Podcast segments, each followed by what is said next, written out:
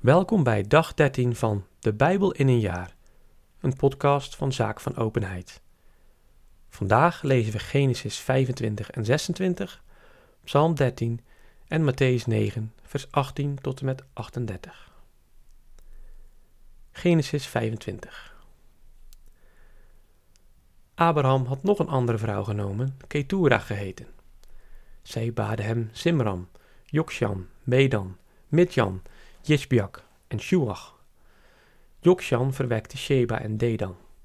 De zonen van Dedan waren de Ashurieten, de Letushieten en de Leomieten.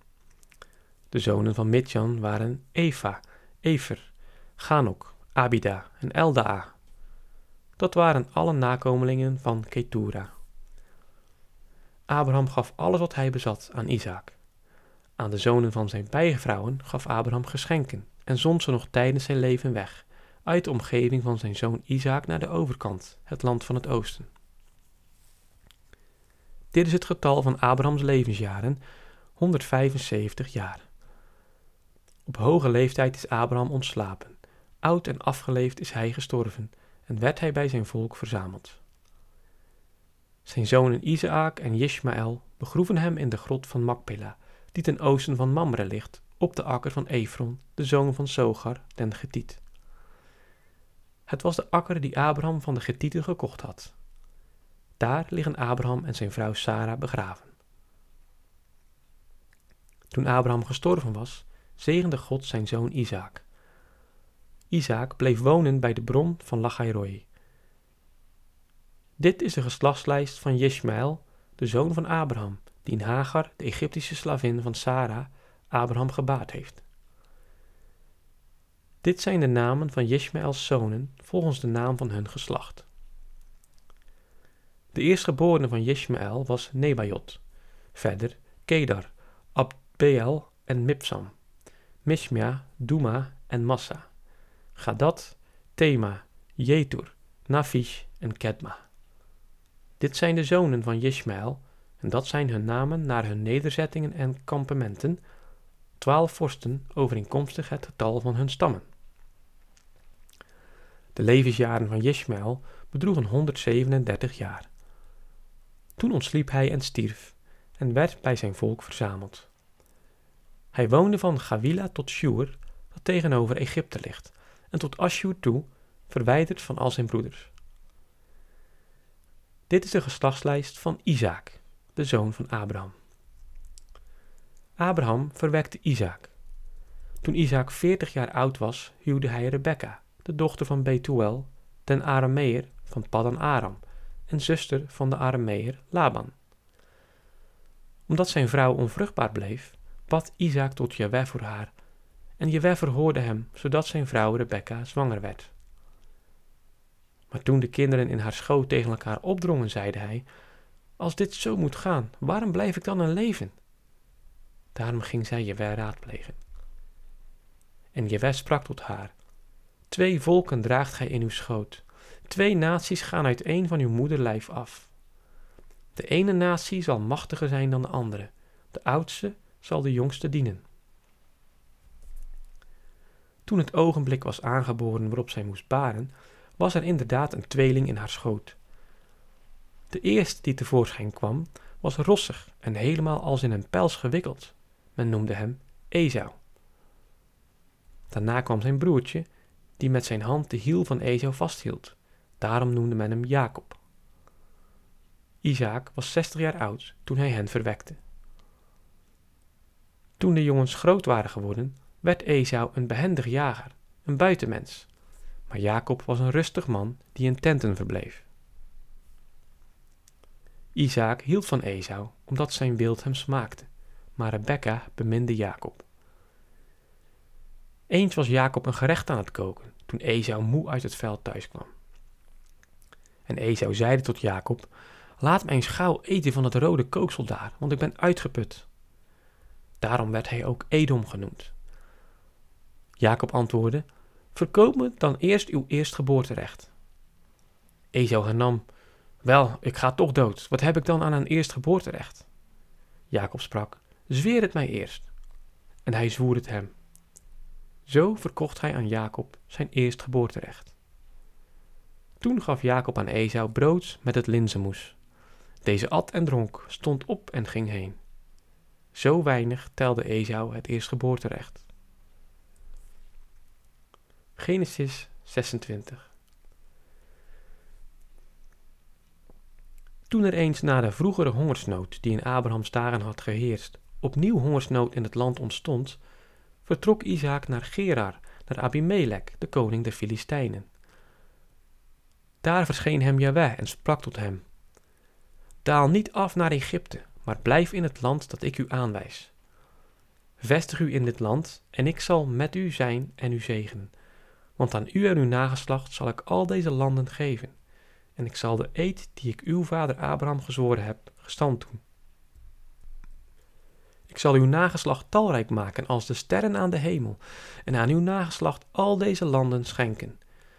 In uw zaad zullen alle volken der aarde worden gezegend, omdat Abraham naar mijn stem heeft gehoord, en mijn gebod en bevelen, mijn instellingen en wetten heeft onderhouden. Zo bleef Isaac te Gerar wonen. Toen nu de inwoners van die stad hem polsten over zijn vrouw, zeide hij: Het is mijn zuster. Want hij durfde niet zeggen: Het is mijn vrouw. Hij was bang dat de inwoners van die stad hem om Rebecca zouden vermoorden, want zij was een knappe verschijning.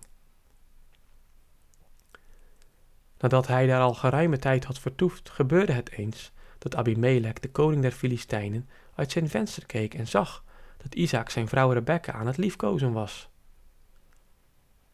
Nu liet Abimelech Isaac roepen en zeide hem: Vast en zeker, het is uw vrouw.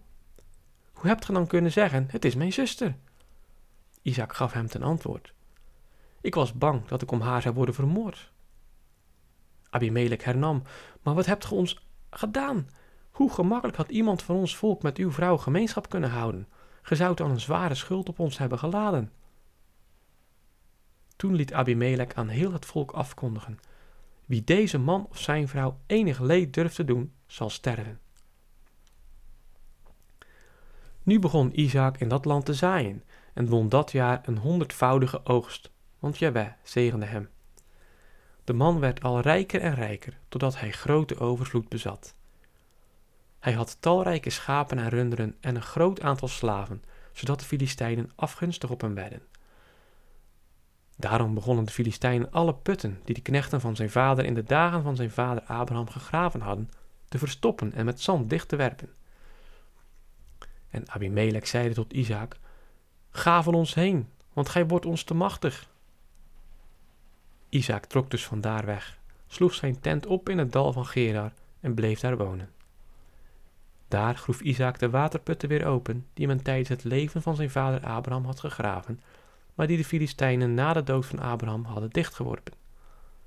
Hij gaf ze weer dezelfde namen als zijn vader gedaan had. Terwijl dus de knechten van Isaac in het Gerardal aan het graven waren, vonden ze daar een put met stromend water. Maar de herders van Gerar begonnen met de herders van Isaac te twisten en zeiden: Dat water behoort ons. Daarom noemde hij die put Esek, omdat ze daar met hem hadden getwist. Nu groeven zij een andere put, maar ook daarover ontstond strijd. Men noemde die Sitna. Toen trok hij ook vandaar weg en groef weer een andere put, waarover geen twist meer ontstond. Hij noemde hem Regobot, want hij zeide: Nu heeft wij ons ruimte gemaakt, zodat we in het land kunnen groeien. Vandaar trok hij op naar Beer Sheba. Daar verscheen Jaweh hem zekere nacht en sprak tot hem. Ik ben de God van Abraham uw vader. Vrees niet, want ik ben met u. Ik zal u zegenen en uw geslacht talrijk maken, omwille van Abraham mijn dienaar. Daarom bouwde hij daar een altaar en riep de naam van Jahweh aan. Isaac sloeg er zijn tent op en zijn knechten groeven er een put. Nu kwam Abimelech van Gerar uit hem bezoeken, in gezelschap van Achuzat, zijn vertrouweling, en Pikol, zijn legeroverste. Maar Isaac zei hem, waarom komt gij naar mij toe, terwijl gij mij haat en mij van u hebt weggejaagd? Ze antwoorden, we hebben nu duidelijk ingezien dat Jaweh met u is. Daarom hebben we gedacht, Er moest een eedverdrag tussen ons beiden bestaan, tussen ons en u.